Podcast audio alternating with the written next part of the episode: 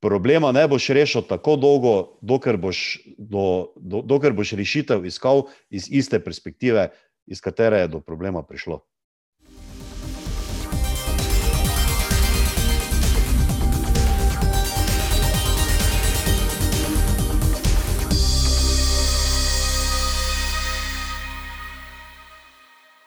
Lepo pozdravljeni in dobrodošli v oddaji, pogovorni oddaji brez dlake na jeziku. Moje ime je David Grošič in danes z mano je Silvester Kmetič. Silvester, da bo došel. Ja, lep dobrodan želim in uh, hvala za povabilo. Ja, hvala, da si se odzval. Uravno, Silvester je podjetnik, poslovni trener in coach, deluje na področju organizacijskega in strateškega razvoja, izvaja prodajne in vodstvene treninge za srednji in višji management. Povej mi, uh, Silvestr, če, če nam vsem, nam, tudi poslušalcem, malo več poveš o sebi. Jaz sem dal samo to, da malo uh, naredim kratek uvod. Ja, uh, uh, hvala. Lahko bi o sebi govoril dve uri, ampak glede na to, da smo omejeni s časom, bom povedal samo tiste glavne točke. Po osnovni izobrazbi prihajam iz pedagoškega poklica. Uh, skoraj da 30 let, se pravi od leta 91, bolj natančno 92, sem potem podjetje ustanovil. Eh, delam v prodaji, to se pravi, da imam skoraj 30 let izkušenj uh, iz tega področja. Pred enimi dobrimi 15 leti sem pa začel z to potjo, o kateri bomo zagotovo danes še spregovorili, kakšno besedo, to transformacijo poslovne identitete. Uh, najprej iz, se pravi, lastnika podjetja, podjetnika, ki se ukvarja, se pravi, podjetje se ukvarja z prodajo, sicer živi, še, živi oziroma deluje še danes. In pa potem transformacijo v uh, to, kar si zdaj omenil, se pravi poslovnega trenerja, koča, svetovalca. In uh, moram priznati, da ta transformacija ni bila tako enostavna. In ljudje me doskrat sprašujejo, ali je bila cel čas planirana. In bom dal kar sam odgovor nazaj, ne, ni bila planirana. Temveč se je ta transformacija takrat začela zaradi tega, ker sem sam začel raziskovati uh, osnovno, morda se bo slišalo malo filozofsko temo, zakaj ljudje v nekem trenutku v svojem življenju sprejmejo neko odločitev, kakršna koli je ta odločitev, in zakaj ne sprejmejo neke druge odločitve. Sedaj me je pa potem zanimalo, zakaj, ko enkrat odločitev sprejmejo, zakaj si potem premislijo, čez nekaj minut, čez nekaj ur ali pa čez nekaj dni. In uh, ko seveda začneš stvari raziskovati, postanejo stvari zanimive, in kot mi na Štajerskem temu reče, radi rečemo, te enostavno not potegne. In tako sem šel skozi celoten proces izobraževanja, usposabljanja, ne prej neurolingvističnega programiranja. Ja, vem, da bo kdo rekel, ja, še en, uh, od praktika mojstra, pa potem do koča. Tisti pravi preskok v moji uh, identiteti oziroma karieri se je pa zgodil pred 12 in pol leti oziroma 13 leti ko sem v Nemčiji srečal gospoda Wernerja Kacengruberja, ki je v Nemčiji poznan kot eh, dejansko osebnostni coach številka ena, predvsem na področju prodaje in pa vodenja.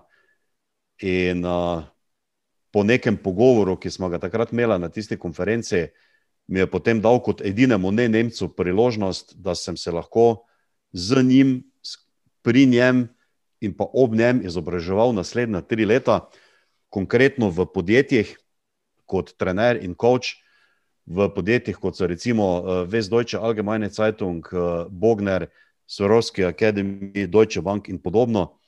In te izkušnje, ki sem jih takrat tam dobil v tistih dveh in pol letih, so tako kot reklama za eno plačilno kartico, neprecenljivo.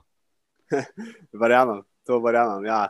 Uh, kar se tiče NLP, oziroma neurologijskih programming, uh, je zelo ja. zanimiva stvar. Ja, tudi sam poznam. Uh, Uh, drugač pa tudi gledalci, tisti, ki bi več lahko uh, lahko pogledali pri uh, Silvestru, oziroma lahko tudi sami pogledate, malo več o tem je zelo, zelo zanimiva uh, tematika. Silvestr, eno vprašanje, prej bo šel na, na ta vprašanja, ja. ki jih imam. Uh, prepričanja, ti bo, mislim, tudi večina gledalcev že ve, da prepričanje je nekaj, kar tudi lahko spremeni telo dobesedno v, v sekundi in, in tudi uh, um. Kaj je eno, ja. samo eno, eno kor, ta core belief, ta, to osnovno prepričanje, ki ga imaš zdaj, ki si ga, bom rekel, skrejeval čez to pot, ki si tudi delal s tem gospodom v Nemčiji. Kaj je eno prepričanje, da si ga dobil glede globalno, glede življenja in ljudi?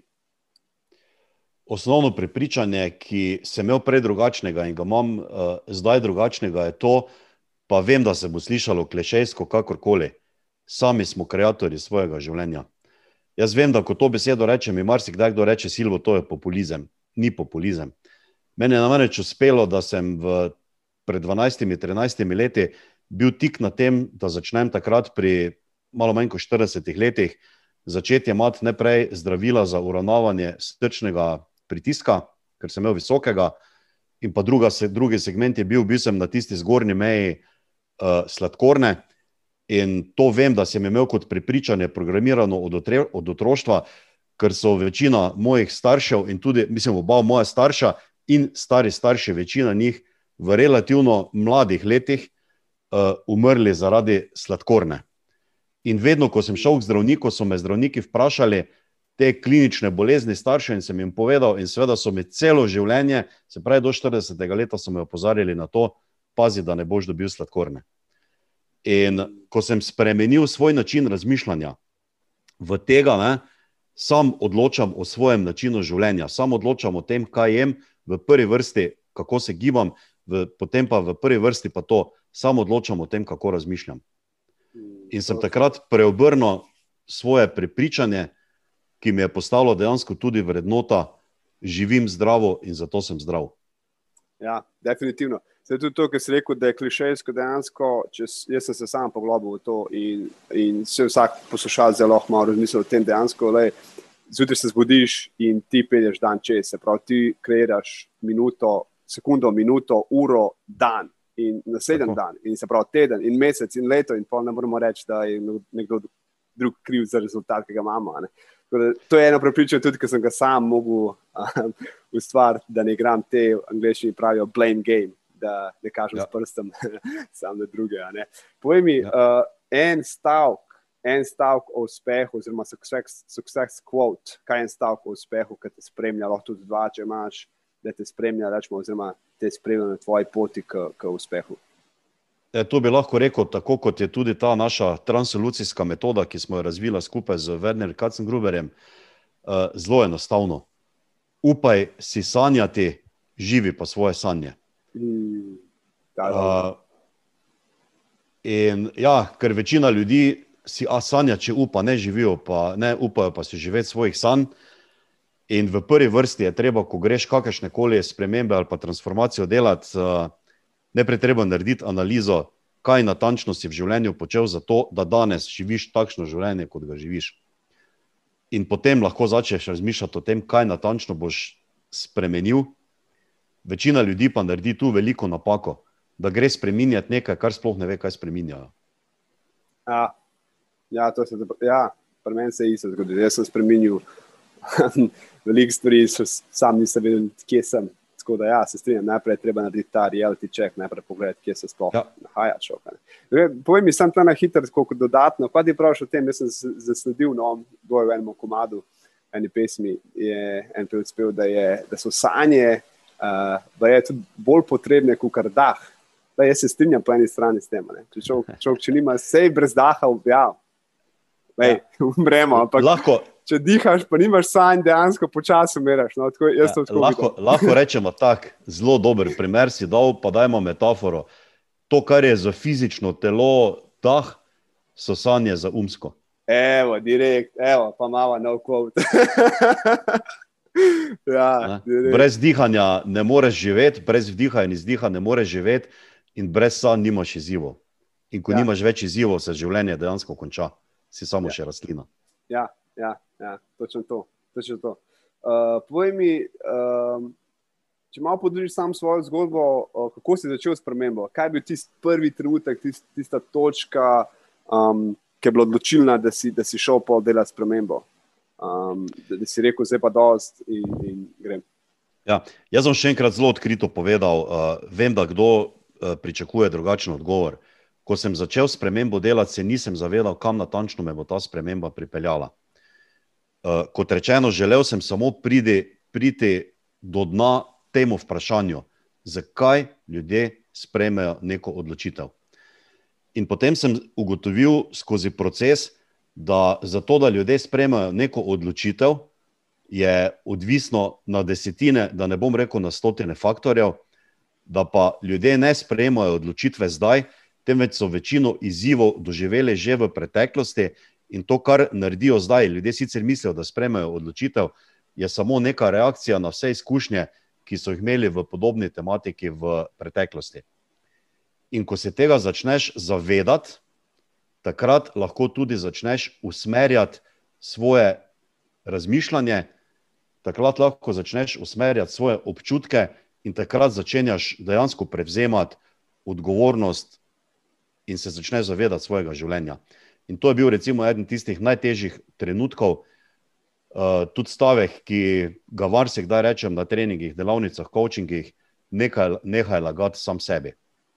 Mm. To pomeni, da v resnici enkrat v življenju, čisto eno, pri katerih letih, ugotoviš, kdo si, kaj si in kaj so v resnici tvoje, ampak tvoje osebne življenjske prioritete. Ja. In jaz doskrat ljudem rečem: Poglej, urnik in to, kar imaš v urniku napisano, to si ti. Pol pa začne izgovore, ja, veš, pa ni, pa moram zaradi drugih. Ne. To, kar imaš v urniku napisano, to si ti. Pika. Ja, ja se strinjam, se pravi, to je tista. Uh iskrenost, ampak, ampak tista iskrenost, da si res pogledaš v, v kako pravijo po domačem, ali je čistega vina. Ja. Da, da, da dobesedno greš v tisti globi, globi pomen. Deva se vrniti nazaj, da greva zdaj nazaj v tvojo spremembo in deva poiskati en trenutek, ki je bil, bom rekel, um, najslabši, ne bom rekel temu najslabši, bom rekel, ki je bil največji izziv jaz, jaz te, bom rekel, trenutke vidim kot izziv, problem vidim kot izziv. In da pogledaj ten izziv, ki si se ti srečal um, in kaj si se naučil iz tega. Kaj je bil tisti okay. izziv, da te res, da te res, da si pol najprej videl kot, oh, moj bog, pa si pa rekel, oh, to je bil pa res dar, naučil sem se iz tega ogromno. Okay. Ena taka, hvala za vprašanje, to je res odlično vprašanje. Um, ena, ena od takih stvari je bila situacija, ko sem takrat, pred, mislim, da zdaj od tega 12 let nazaj, zaključil to izobraževanje za koča tu pri nas v Sloveniji. In takrat sem kot koč mislil, da moram vsem ljudem pomagati. In sem eno leto hodil okrog, in mislim, hodil okrog na rekovajih, seveda. Um, in vsak, ki je imel kakšen problem, sem jaz hotel dati nek na svet ali pa sem hotel nekaj pomagati. Dokler in se moram priznati, v tistem obdobju, v tistem enem letu, sam sebe mentalno izčrpal, ker nisem več mogel razumeti, zakaj ljudje ne želijo nekih minimalnih sprememb na življenju, ki bi jim lahko bistveno olajšale in, in poenostavile njihovo življenje. In potem smo se enkrat o tem pogovarjali z Wernerjem uh, po eni delavnici, uh, kjer je ravno to bila tema pri top menedžerjih v enem velikem podjetju, mednarodnem, in smo ravno to imeli temo. In takrat je Werner rekel en stavek, ki moram priznati, da je tudi mene takrat strezno. Uh, če človek ne prosi za pomoč, mu ne pomagaj. Uh, seveda je to zadeva, ki jo je treba vzeti malenkost z rezervo, ampak je to vseeno to. Ne? Sploh, če delaš kot coach, terapeut, svetovalec, ne trosi okrog po svetu tvojih idej in tvojih rešitev, če te ljudje ne vprašajo konkretno za neko rešitev. In uh, to spoznanje moram priznati, da sem imel zelo velik izziv, da sem se marsikdaj potem v situacijah, tudi v družbi, ko bi lahko rekel dva, tri stavke, se enostavno potegnem nazaj, utihnem in rečem. Uh, bom tudi jaz zdaj v angleščini povedal, ker vem, da tudi ti doskrat to uporabljaš, not my problem. Ja. Se pravi, to ni moj problem. In na ta način sem se tudi naučil, da problemov drugih ne jemljem na sebe in se ne postavljam v vlogo rešitelja. Ja.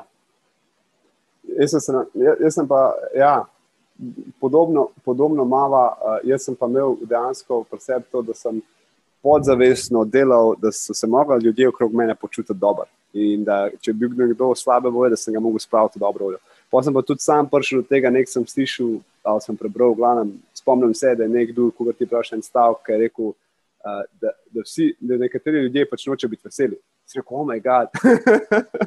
ja. pač, ja, in to je tisto, kar se zdaj pač povedal. Ja, da, da, ne, nekaterim ljudem je pa pač ok, da, da so tam, kjer so. Um, ja. Poglej, tvoj trenutek, ki si pa najbolj ponosen bil na njega. Pa je en trenutek, da, si, da, si, da je bil tisti, da si rekel, ok, to je ta magic moment, ta, uh, najbolj ponosen trenutek, da, da ti je ostal. Da tudi če zdaj rečemo, zamižiš, narediš vizualizacijo nazaj, da dejansko pride ta šus uh, čustev nazaj direktno, da rečeš, o ja, to je to. Um, zdaj, če gledam, uh, uh, če smo pri tej spremembi, ki sem jo doživel, bom potem povedal tega, verjetno si me za tega vprašal. Ne? Ja, ja. Okay. Uh, če mi pa dovoliš, bom pa povedal uh, največji šus ali pa občutek teh čustev, ki sem ga doživel pred uh, kratkim, se pravi, še ni eno leto nazaj. Uh, mislil sem, da je največje zadovoljstvo na svetu dobiti uh, otroka, lahko pa povem, da je enako, če ne celo večje zadovoljstvo, ko tvoj otrok dobi otroka, to pomeni, ko dobiš vnuka oziroma vnukinjo. In ko z tem, bom rekel, popolnoma uh, drugačnim emocionalnim in bistveno bolj odraslim in realnim stanjem, kot si, kot deda v tem primeru, ne, oziroma deda, dedek, pogledaš na, na to bitje imaš popolnoma drugačne občutke. To recimo je iz osebnega, ampak ok, toliko za ilustracijo, mislim, toliko za, za popestritev. Kar zadeva pa to, ja, doskrat se to vprašam in to vprašanje mi marsikdaj kdo postavi, kaj je tvoj največji, bom rekel, bil tisti wow. Um, Prej, če bi me to vprašal pred 15 leti, bi rekel, kak je zaključek velikega posla ali karkoli. Uh, moj največji uspeh do zdaj v poslovni karieri je to, da mi je Werner Katzengruber zaupal toliko, da me je vzel v svoj tim oziroma v svojo ekipo, kajti brez tega trenutka takrat uh, ne bi šel sam skozi vse te procese, zaradi tega, ker ne bi si nikoli v življenju sam mogel odpreti toliko vrat, kot pa sem si jih odprl skupaj z njim. In uh, eno so teoretična znanja, ki jih lahko dobiš na izobraževanjih, usposabljanjih, seminarjih, delavnicah, na formalnem šolanju, kakorkoli. Uh, drugo pa je, ko ti greš delati to, kar sem jaz v bistvu delal v Nemčiji dve in pol leti. To je, um, ne rabim delati vizualizacije, evo zdaj se mi dlake postavijo po konci, ko se spomnim, čeprav se tega takrat nisem zavedal danes se tega zavedam, bistveno bolj kot sem se takrat. Ja, najprej čestitke, da. hvala, hvala. Tako da super. Ja, to je, to je um, mislim, tudi moja baba je to govorila, um, da uh, vnuke čist drugače gledaš. No? Uh, tako da je zelo zanimivo, da, da iz več različnih um, krogov sem prišel ja. do te informacije, da je to en tistih res pravi moment, da je čist drugače. Um, Življenje dobi drugačen pomen, res. Ja, Ja, drugače pa strinjam, kar si dobro povedal. Ne? Tudi sam sem najdel dosti knjig, ker večina ljudi misli, da je znanje moč. Znanje je dejansko samo potencijalna moč, akcija je pa moč, da uporabiš ja. znanje.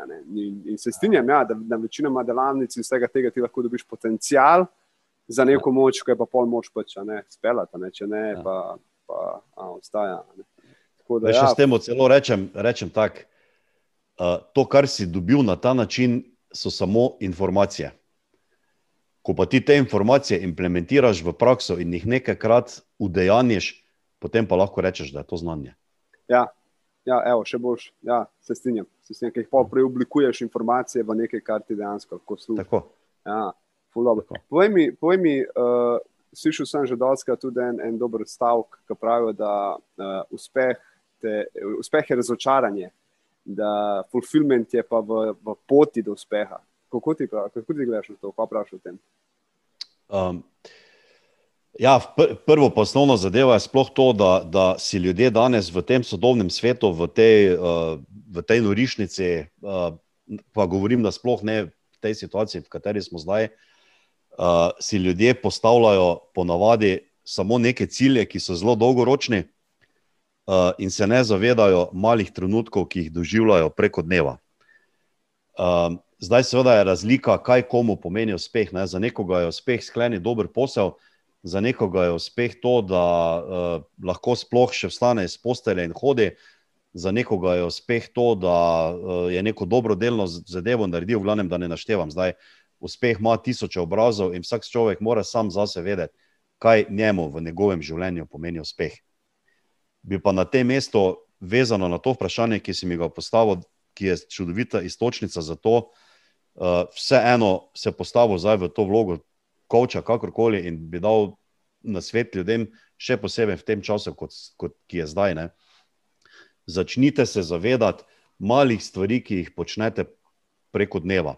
To pomeni, ste ženi, vzamete kozarec vode in ga spijete.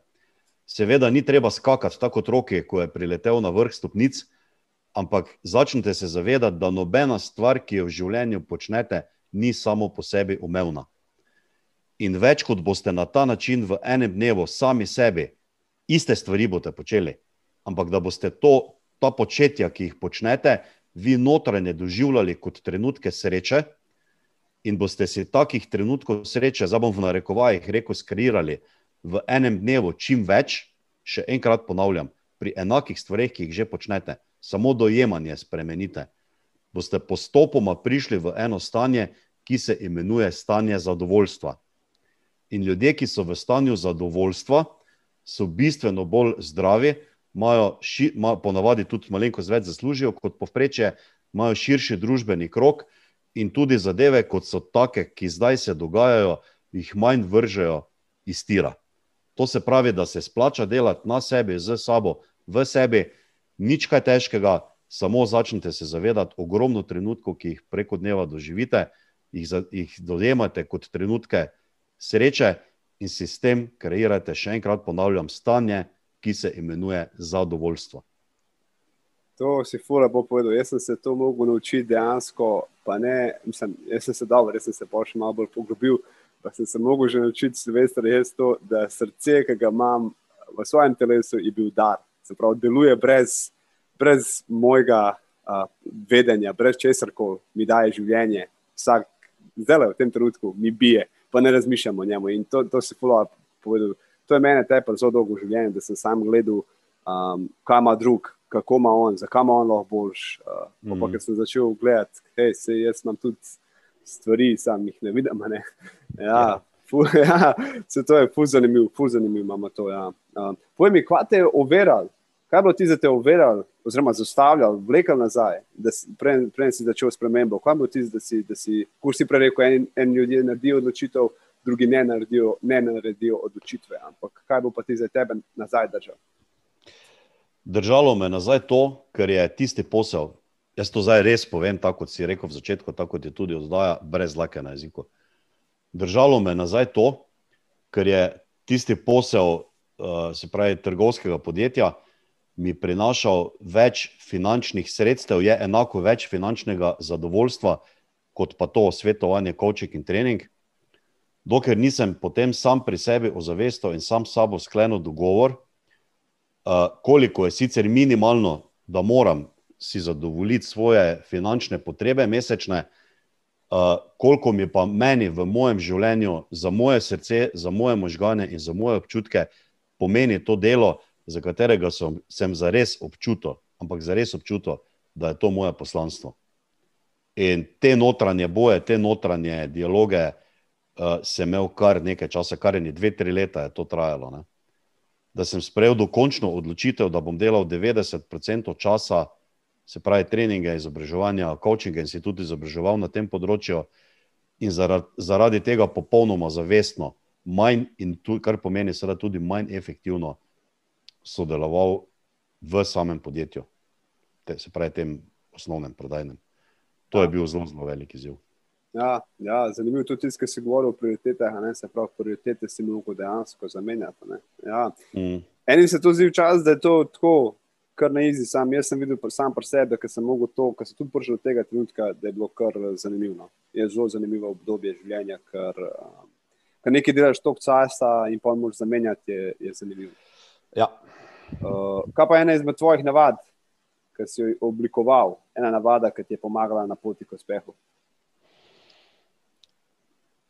moja jutranja in večerna rutina. To pomeni zjutraj najprej 10 do 12 minut ukvarjanja samim seboj v smislu eh, meditacije, sproščanja, kakorkoli bo kdo to imenoval. Eh, drugo pa je to, kar tudi svetujem vsem ostalim, da naredijo, da jutrišnji dan začnem danes večer pred spanjem. Se pravi, najprej naredim checking oziroma analizo, kaj vse se je dogajalo danes, prosim, brez vrednotenja, brez tega, kaj bi lahko bilo boljše, kaj bi lahko bilo slabše. Ne, samo čisto analiza, se pravi, čisti reality check zvečer, kaj se je danes dogajalo.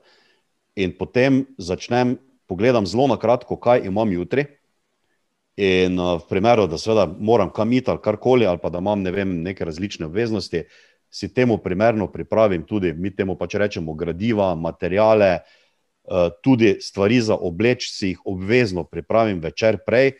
Kaj to pomeni? To pomeni, da grem zvečer popolnoma umirjen in v soskladju sam seboj in zunanjim svetom spat. Prej ne, sem pa legel v poslo in sem zvečer pol ure še razmišljal, kaj moram se jutri narediti. To pa zdaj rešim v petih minutah, cak, cak, cak. Se pravi, dejansko začnem jutri, danes večer. Ja, In tudi zjutraj, ko se zbudim, moj, moj, pardon, tudi zjutraj, ko se zbudim, moji možgani natančno vejo, kaj konkretno morajo narediti. In vsi tisti, ki ne želite nervoze v življenju, vam svetujem, uvedite si to v svoj vsakdan. Evo, Rik, to sem hotel reči. Evo, zmaga, to je to. Ful, Ej, ful ti hvala za, za, ta dva, za ta dva, te dve navade, no? um, ker veliko pomenijo. To pa je, to pa res. Jaz moram to, kar si dal za zvečer, moram za še začeti delati, uh, ker s tem se še malo novim. Povej mi, kaj je, eh, kaj je najboljši na svet, ki si ga dobil? En na svet, ki si ga dobil, lahko tudi dva, če imaš, ampak enega na tej poti, da ti je nekdo rekel, tako je. Ključno vprašanje kot coach, ki sem se ga naučil in ga delam sam s sabo, in to delamo, to je tudi osnovna stvar pri vsakem coachingu, je, ne, vedno vprašaj samega sebe. Mm, Vprašanje, kaj imam jaz od tega. ja, ja, ne mislim v egoističnem smislu, temveč uh, lepo si prej povedal, ne? čas je čas. In čas je samo merska enota. Kaj natančno boš pa ti, kot posameznik, ne mislim tebe, ampak poslušalce, kaj natančno bo pa nekdo v tem času počel, se pa v vsakem trenutku lahko odločiš sam. In zato ne investirajte časa v nekaj, kar vam ne pomeni veliko v vašem življenju. In od tod vprašanje, kaj imam jaz od tega. fantastično. Tole je pa follower. Mm, ja, se strinjam, se strinjam. Um, čas gre, ja, točno to. In um, na koncu dneva, če narediš reality check, vidiš, kaj se dogaja. To, da, follower, evo, dal si 22 stvari, ki se lahko zdaj povežejo med sabo. Ne. Um, da je dan lahko bolj efektiven. Povej mi, kaj je eno orodje, tvoje najljubše orodje, ki ga uporabljaš, v angleščini tu, se pravi, en, en, en, en bom rekel, pristop k dnevu, da ga uporabljaš vsak dan. Um, vpra, vprašanja. Ne, eno vprašanje je to, kar sem ga zdaj že povedal. Ne? Uh, če bi pa zdaj mogel vzeti neko orodje kot tako, uh, je pa moje telo. Pa naj se sliši smešno, kakorkoli, ker telo imam vedno pri sebi in svoj um, zavedni in nezavedni um, imam tudi vedno pri sebi. In uh, orodje, ki sem ga v zadnjem obdobju, ali pa stroj, ki sem ga v zadnjih 12-13 letih največ treniral, so moji možgani. Uh, zavedanje delovanja leve in desne možganske polovice, zavedanje tega, teh povezave z korpus kalozomom, zavedanje tega, da se dejansko vsi občutki iz sekunde v sekundo kreirajo v našem limbičnem sistemu, ki je v oski povezavi, oziroma v klasični povezavi z amigdalo, se pravi z centrom za strah. In če tega orodja ne bi imel, bi mi v teh situacijah, kot je zdaj, bilo bistveno teže. Žal, tako kot vidim, da so reakcije vse preveč ljudi danes um, na to situacijo, v kateri trenutno živimo in na te okoliščine. Ja, Teda, ja, možgani. ja fulover. fulover. Da povem mi, eh, mogoče če te lahko vprašam sam glede strahu. A tle govorijo tudi ta strah, kar se tiče čustva strah, ker jaz sem nekaj zasledil, da čustvo kot strah je kot, ne vem, um, call to action, oziroma te poziva, k, da spre, spremeni nekaj, oziroma naredi nekaj, da te ne bo več strah. Ne. Ali tukaj, ali to mislimo isto, uh, tudi tak način strahu, ki pride, ali je to ta um, efektivni strah, ki, ga imamo že toliko in toliko časa, že podzavestno v nas. Ne? Ja, okoli strahu bi mi dva lahko naredila posebno oddajo, ki je, ki je morda celo dobra ideja, ja, da se tu malo ti miti razblinijo, kaj sploh strah je. Uh, ker zdaj si ti sam na vrhu naenkrat toliko vprašanj, da je ne mogoče na hitro to dati odgovor nazaj. Ne? Ja, ne moram uh, izkoristiti, dokler si tle. ja, ja, ja, ja, ok. okay. Uh, brez, jaz lahko tako povem zelo enostavno. Ne? Se pravi, strah, eni pravijo, strah je občutek, eni pravijo, strah je stanje. Meni je čisto eno, kako to uh, tretira. In seveda, uh, reakcije na strah so vedno tri. Se pravi, uh, beg, uh, borba ali pa da zmrzneš. In uh, danes je uh, pri največjem strahu, ponovadi ljudje zmrznemo, se pravi, se, bom po domače povedal, skrijemo v mišjo luknjo. In uh, tisti, ki kreirajo uh, navzven uh, situacije, ki se dogajajo, to zelo dobro vejo. In ta primer, uh, to mirne duše lahko povem, brez lake na jeziku, če smo že pri tem, ne, do, doživljamo zdaj, ne, se pravi, največji test v zgodovini človeštva, kaj pomeni, uh, kaj pomeni strah in kaj vse so ljudje pripravljeni narediti, ko jih je strah. In eno stvar moramo vedeti, tu se mi zdaj pogovarjamo o strahu, ki se imenuje eksistencialni strah. Pa ta eksistencialni strah ne gre za denar, ali pa za imovino, temveč dejansko je ljudi strah za tisto primarno preživetje. In ko je ljudi strah za preživetje, je vse, kar je po hierarhični lestvici navzgor, od družabnosti, vedenja, znanja, uh, uh, tradicionalizma, vse to upade. In to lepo vidimo zdaj, ne, v teh primerih, kaj ljudje vse počnejo, ko jih je strah, kaj se ljudje vse pripravljeni narediti, tudi v primerjavi do svojih bližnjih ali pa tistih, ki jim dosti pomenijo, samo zato, da bi, bom rekel, v narekovajih preživeli, seveda preživeli iz njihove realnosti, oziroma iz njihovega modela sveta. Ja. Uh, tako da strah, ja, do neke mere ga imamo vsi, vprašanje pa je, in ena od osnovnih zadev na coachingu ali pa na izobraževanju, ki ga grejo ljudje z nami skozi proces, je to, da ljudi naučimo, da znajo strah obvladovati, ker rešiti se ga ne moreš. Ker včasih slišim zelo populistično, da kdo uh, oglašuje, pridite k meni, ti bom naredil ne vem, hipnozo ali pa karkoli, ali pa coaching ali terapijo, in ti se boš osvobodil streh, vseh strahov. Ne želim biti oseba, ki ne bo imel nobenih strahov, ker me bo takoj v naslednjem trenutku na cesti povozil avto. Ja. Ja, sem jih hotel reči, da tega se pač preoprašal, da ker strah, ki ga imamo, ne, je v bistvu dober, ker dejansko ti pomaga, ne samo preživeti, če ga znaš pravilno, kot si rekel, ja. obvladovati, ja. ti lahko pomaga, da tudi uh, pelješ življenje brez stresa, v nekaj, no, čeprav stres je tudi kamuflaža. Ja, stres je pa zopet druga stvar. Tako, ja. Ampak ja, je pa zanimivo, to se zelo povedal. Ja, je pa zanimivo, da ko pride enkrat do tega strahu, um, kako delč smo ljudje pripravljeni iti, ne, da, da preživimo. Ne. To je res, res, zanimiv, res zanimivo obdobje, ki se danes kaže na, na, na, na cel, mislim, ne samo Sloveniji, ampak na celem svetu. Um, kaj je ena knjiga? Ena knjiga, ki bi jo priporočil poslušalcem, podaja brez lake na jeziku. Uh, vezano na spremembe? Lahko. Lahko dve, oh. eno na spremembe, eno pa če imaš tako. Ja, dobro, se pravi, jaz uh, bom tako rekel. Uh, pa bom tudi to povedal, brez lake na jeziku. V vsakem primeru priporočam ljudem, ki jih zanima to, na kak način narediti neke spremembe. Uh, je sicer malenkost populistična knjiga, pa na ameriški način napisana. Uh, so, so obe, oziroma vse tri knjige od uh, Joeja Dispense. Hmm uh, verjetno poznaš, se pravi, uh, ja, zdaj pa pridemo do tega, ko jaz pozabim naslove. Uh, se pravi, uh, kak je že ono. Uh, eno je Placebo, ste vi, druga knjiga je pa. Uh, Oduči se biti to, kar si ali nekaj v tem kontekstu. In, in ta knjiga, ta druga knjiga, ne, jo res priporočam, da jo ljudje preberejo. Seveda, pa ker je ameriška, zelo, zelo dosti uh, govori tudi o Bogu, uh, oziroma o božanstvih. In uh, to jaz vedno rečem ljudem, je treba vzeti malo za rezervo, ker uh, nismo ravno vsi iste veroizpovedi. In aha, naslov knjige, ker imam tukaj knjigo, uh, odvadite se biti to, kar ste. Mm, teda, res na, na hitro.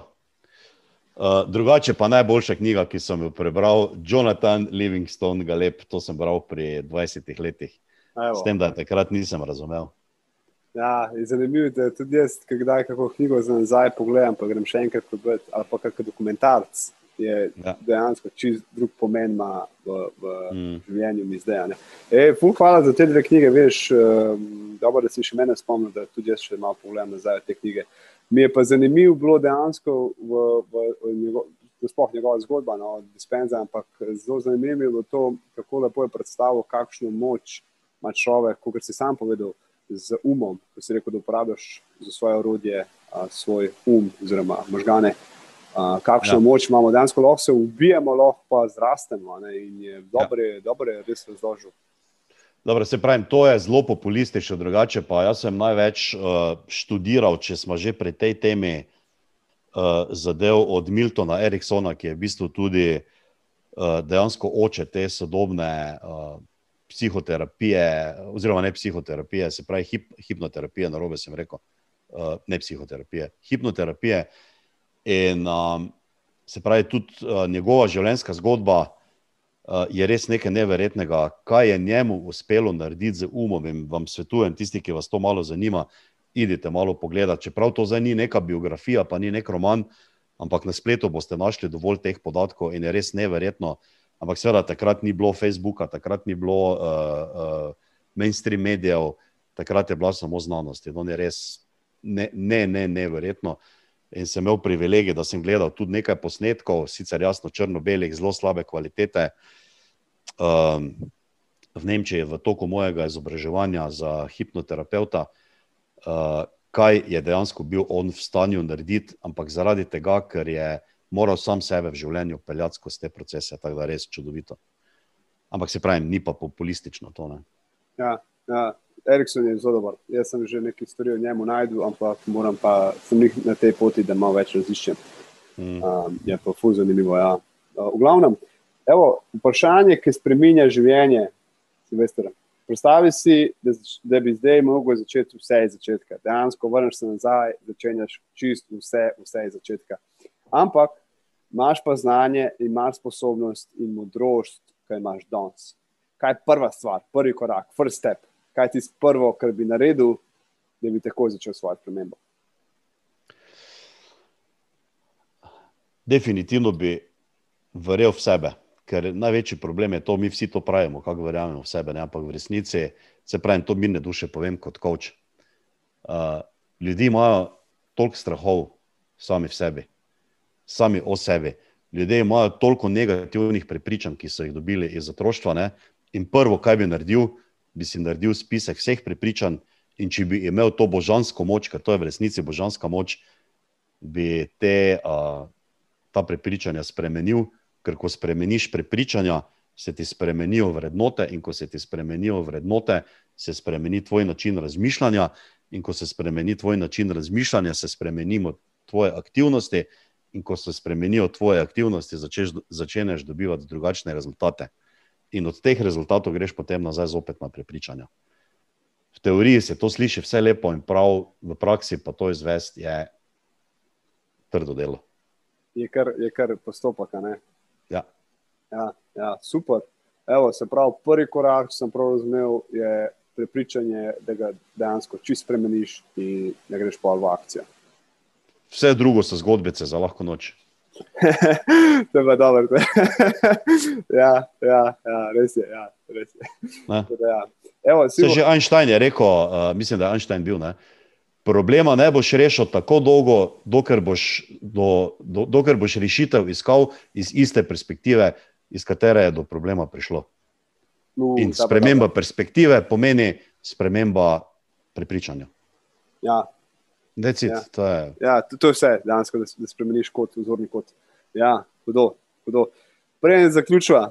Uh, povej mi, mogoče tvoj pogled kot coach, kot koga smo zdaj rekla, um, tvoj pogled, na, malo si že se dotaknil tega, tvoj pogled na trenutno situacijo, bom rekel, ne samo v Sloveniji, ampak tudi globalno. Kako ti gledaš čez svoje oči, čez, kako si zdaj rekel, čez prepričanja in, in kako vidiš pač vse skupaj za to. To, kar se zdaj dogaja, prosim, da se bomo razumeli. Jaz bom še enkrat povedal, hvala ti za to vprašanje. uh, ne sodim o tem, uh, Bog ne daj, da ne bo kdo rekel, virus je ni, virus je. Ne? Da ne bo kdo rekel, da sem kakšne um, zarote ali kaj, zvem kaj. Ampak mirne duše povem, vse to, kar se dogaja okrog tega, kar nam mediji servirajo, seveda po nekem um, naprej napisanem scenariju, kar je dejstvo, uh, ker to moraš biti slep in gluh, da tega ne opaziš. Ne? Uh, je res en, ena največjih testov propagandne mašinerije, kaj je v resnici možno narediti. In tudi o teh hipnotičnih govornih vzorcih, o katerih sem govoril uh, v enem od postov, uh, ko razumeš hipnotične govorne vzorce in ko razumeš psihologijo množice, imaš moč upravljanja. In ta test se ni zgodil danes, temveč se je ta test začel dogajati pred desetletji. In ko greste malo pogledati nazaj, se vidi, da je točno šolski sistem in vsi ostali sistemi so narejeni zakaj? Za čisto linearno učenje. Uh, linearno učenje je tako zastarelo, ne, da Bog pomaga. Ampak uh, nobene kreativnosti ni, uh, ni dovoljeno razmišljanje za svojo glavo. Govorim o šolskem sistemu. Uh, in potem vse to, kar se pa zdaj dogaja, se pravi, z ki, informacijami, ki jih dobivamo, uh, grejo direktno na limbični sistem.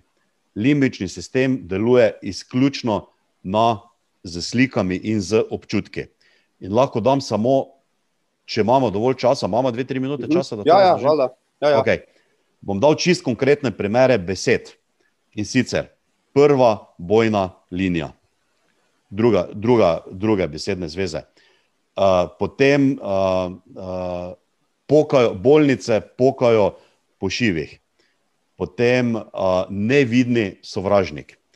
In zdaj mi vemo, da so, da so bile vojne. Ne? In spomnimo se slik, vsi smo se to v šoli učili. Kaj smo rekli, kdo je vedno najbolj nastradal? Tisti, ki so bili na prvi bojni liniji. In zdaj samo povežemo informacije. Se pravi, mi vsi to vemo. In ti vsak dan slišiš najmanj desetkrat tisti, ki so na prvi bojni liniji. Ja, kak se boš pri tem počutil? Strah te bo postal, skril se boš v miši lukno.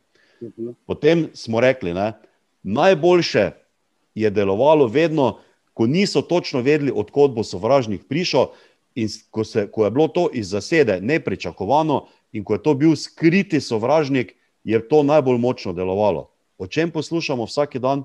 O skritem, oziroma o, o nevidnem sovražniku.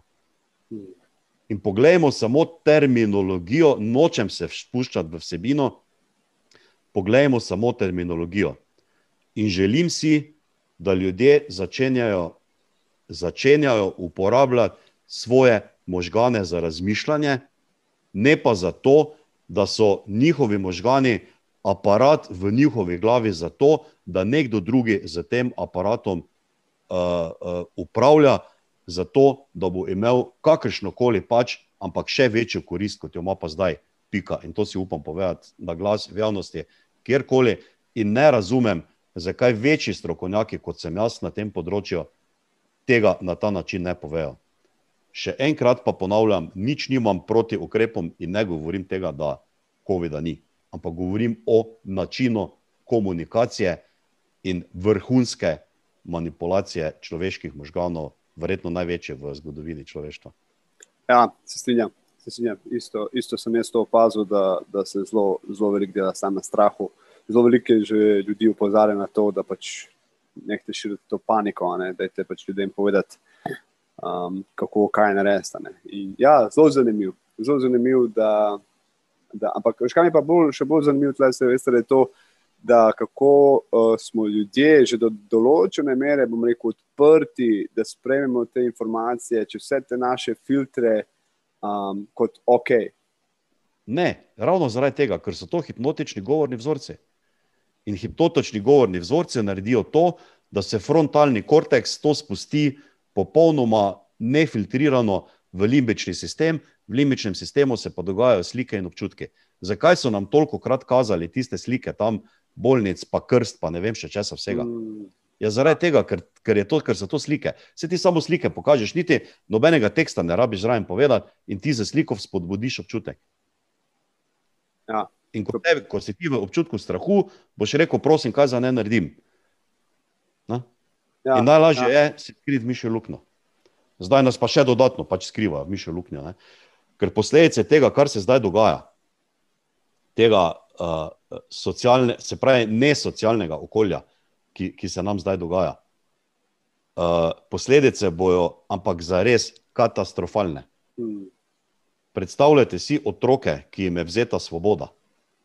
Mi si spoh tega predstavljati ne znamo. Ja, pa nekdo reče, si egoist, pa gledaš za te stvari. Pa zakaj se otroci vrtcev ne smejo igrati? Mislim, če mi to zna kdo razložiti, ali pa katerikoli medicinski strokovnjak, ne, se tudi celotna medicina, realna medicina, pravi, da je to totalni nonsens. Ampak, ja. ok, očitno je interes bistveno više. Tako, tako. Ja, sem tudi jaz prišel do tega, da, da je bilo nestrinjanje uh, med sabo, pa njih, v, v samem, samem zdravstvu, samih strokovnjakov, da so se med sabo strinjali, da, da naj ne bi šel po gledališču. Ja, dobro si povedal to, glede otrok. Sam sem se sprašoval, tudi sam imam dva otroka ne, in mi je zanimivo, zakaj se otroci ne smejo igrati, zakaj jih dajo stran te razdalje in tako naprej. To so neka vprašanja, to, kot sem prej rekel, to so neka vprašanja, ki pa začneš kritično, um, inteligentno, bom rekel, pristopiti k vsaki situaciji. Ne. Tako da, ja, pul zanimiv. Povej mi, imaš še kakšne zadnje besede, kak, kakšen svet iz srca za poslušalce brez zraka na jeziku? Ja, poskrbite za svoje mentalno zdravje in istočasno, seveda, tudi fizično. Za konec se mi zdi pa še sploh posebej v, ča, v teh časih stavek, ki ga tudi doskrat zapišem sam, kjer je tvoj fokus, si ti in kjer si ti je tvoj fokus. Povabim vas v naslednjih dneh, imejte fokus na sebi, imejte fokus na vaših najbližjih in na tistih, ki jih imate radi, in čim manj fokusa na okoliščine, ki se zunaj dogajajo ker niti direktnega, niti indirektnega vpliva za enkrat nimate. Vaš ja. vpliv je to, da poskrbite zase in da dobesedno ostanete zdravi, pa ne samo zaščiteni pred tem nevidnim sovražnikom, temveč v prvi vrsti, da ostanete mentalno zdravi. Hvala lepa, Sivo. Res lepo, o, hvala za te čudovite besede. No. In hvala ti še enkrat, da si, da si se odzval na povabilo, da si bil danes z mano tukaj uh, v oddaji brez znaka na jeziku z veseljem. Uh, in uh, če bo potrebno, oziroma če boš mislil, da je ok, še kdaj, bom pa najbolj vesel, da se bo vsaj nekaj ljudi to dotaknilo in da bo samo nekaj ljudi lažje in enostavno zaživelo na osnovi tega, kar smo se mi dva danes pogovarjali, bo najeno poslanstvo v popolnosti realizirano. Še enkrat, hvala lepa. Se strinjam, hvala ti. Evo, danes je z mano bil Silvester, uh, dal je zelo izčrpne informacije, uh, dali zelo veliko informacij, ki lahko, če jih danes nekdo začne implementirati v, v samo, samo življenje, na hitro, da sam pogledam zapiske, uh, jutranja rutina, nočna rutina in tako naprej, uh, prepričanja, uh, zelo veliko stvari. Tako da um, hvala vam, da ste poslušali. Uh, uživajte svoj dan, kot je Svet rekel, fokusiraj se na to, kar lahko ti vplivaš, na kar lahko ti kontroliraš, in ti bo življenje drugačno. Tako da uživajte svoj dan, bodite zdravi, bodite veseli in se slišimo k malu.